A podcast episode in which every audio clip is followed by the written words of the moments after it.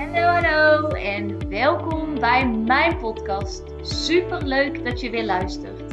Mijn naam is Bente en ik zie het als mijn missie om mezelf en zoveel mogelijk anderen te helpen naar hun droomleven. In deze podcast heb ik het over hoe je een succesmindset ontwikkelt, wat de wet van aantrekking is, hoe je deze voor je laat werken en hoe jij stappen kunt zetten richting jouw droomleven.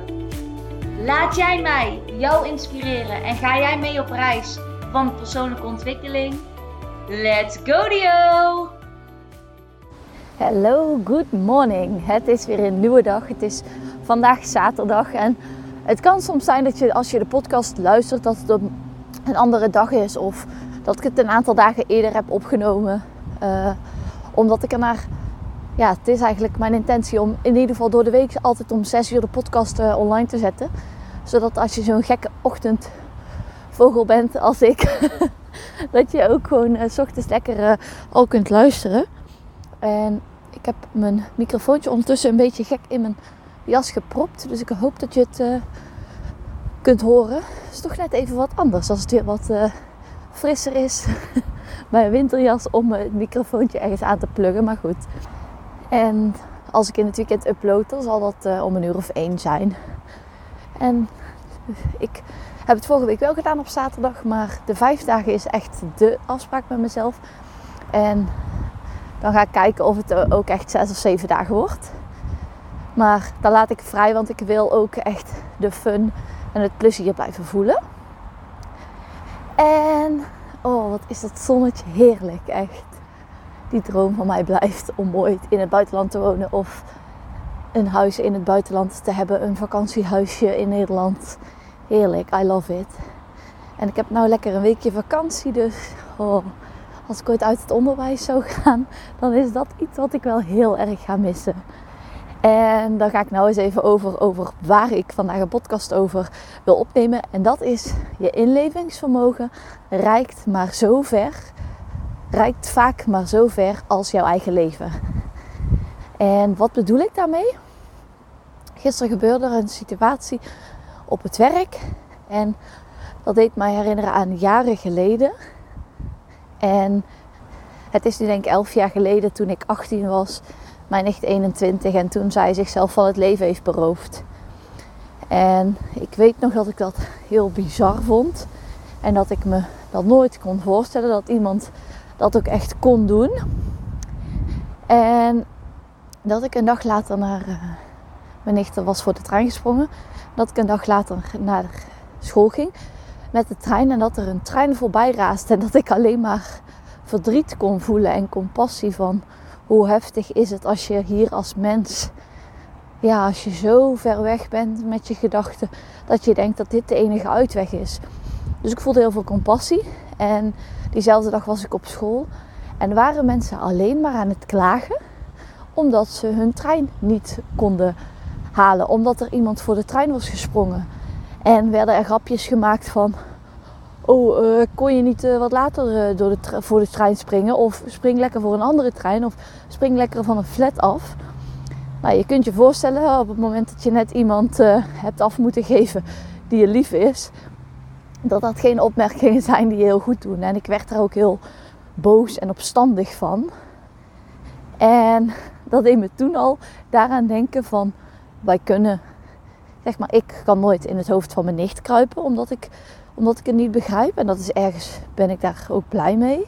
Want als ik het zou begrijpen, had ik misschien ook wel die gedachten.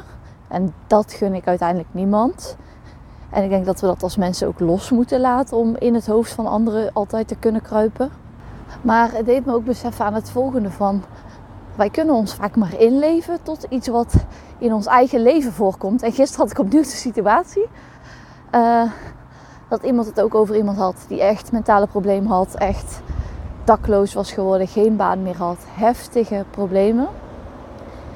En toch werd er dan gezegd van, ja, hij of zij maakt onze, onze hele familie kapot. En ik vind dat wel interessant. Want dan denk ik bij mezelf, oh, iemand die dat doet, tuurlijk brengt dat ellende met zich mee. Maar hoe moet je jezelf wel niet voelen als jij door zulke problemen heen gaat, of als jij door een verslaving heen gaat, of als jij. En ik kan dat zo bekijken, omdat ik het zelf juist heb meegemaakt van dichtbij en omdat ik dat heb gezien. Maar het valt mij op en het valt me steeds vaker op dat wij heel vaak maar kunnen meeleven tot hetgeen wat wij zelf echt hebben meegemaakt. En dat is heel lastig, want daardoor oordelen wij vaak. En oh, het waait heel hard. Ik hoop echt uh, dat jullie mij kunnen horen. Maar ik zou het hopen en zeg maar, ik zou zo graag zien dat we iets vaker met elkaar het gesprek aan zouden gaan. En zouden kunnen kijken naar ons eigen aandeel. En compassie zouden kunnen hebben. Want dat zei ik gisteren ook. Ik snap dat het heel vervelend is, maar iemand die met zoveel problemen worstelt, die moet zich zo ellendig voelen. Iemand die zo vervelend doet naar een ander, voelt zich ook heel vervelend. En ik denk dat het voor ons als mensen belangrijk is om dat te blijven herinneren. En om, ook al begrijp je het niet, ga eens kijken hoe je het wel kan begrijpen. Ga eens het gesprek aan hoe je wel naar het standpunt van de ander kan kijken. Want uiteindelijk, als je stapjes gaat zetten zonder vast eindresultaat, om dichter tot iemand te komen, zal er altijd ruimte komen voor verbinding. En op het moment dat we blijven vechten en vasthouden aan het oude, zal er alleen maar strijd komen. En dat is eigenlijk mijn korte inzicht.